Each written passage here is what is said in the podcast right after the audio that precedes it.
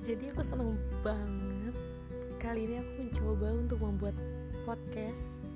Aku ingin terjun ke dunia yang selama ini nggak pernah aku coba. Jadi semoga kita bisa sharing-sharing berbagi pengalaman kisah senang dan sedih. Buat kalian yang mau sharing dan aku bacakan ceritanya juga boleh kita di sini asik-asikan aja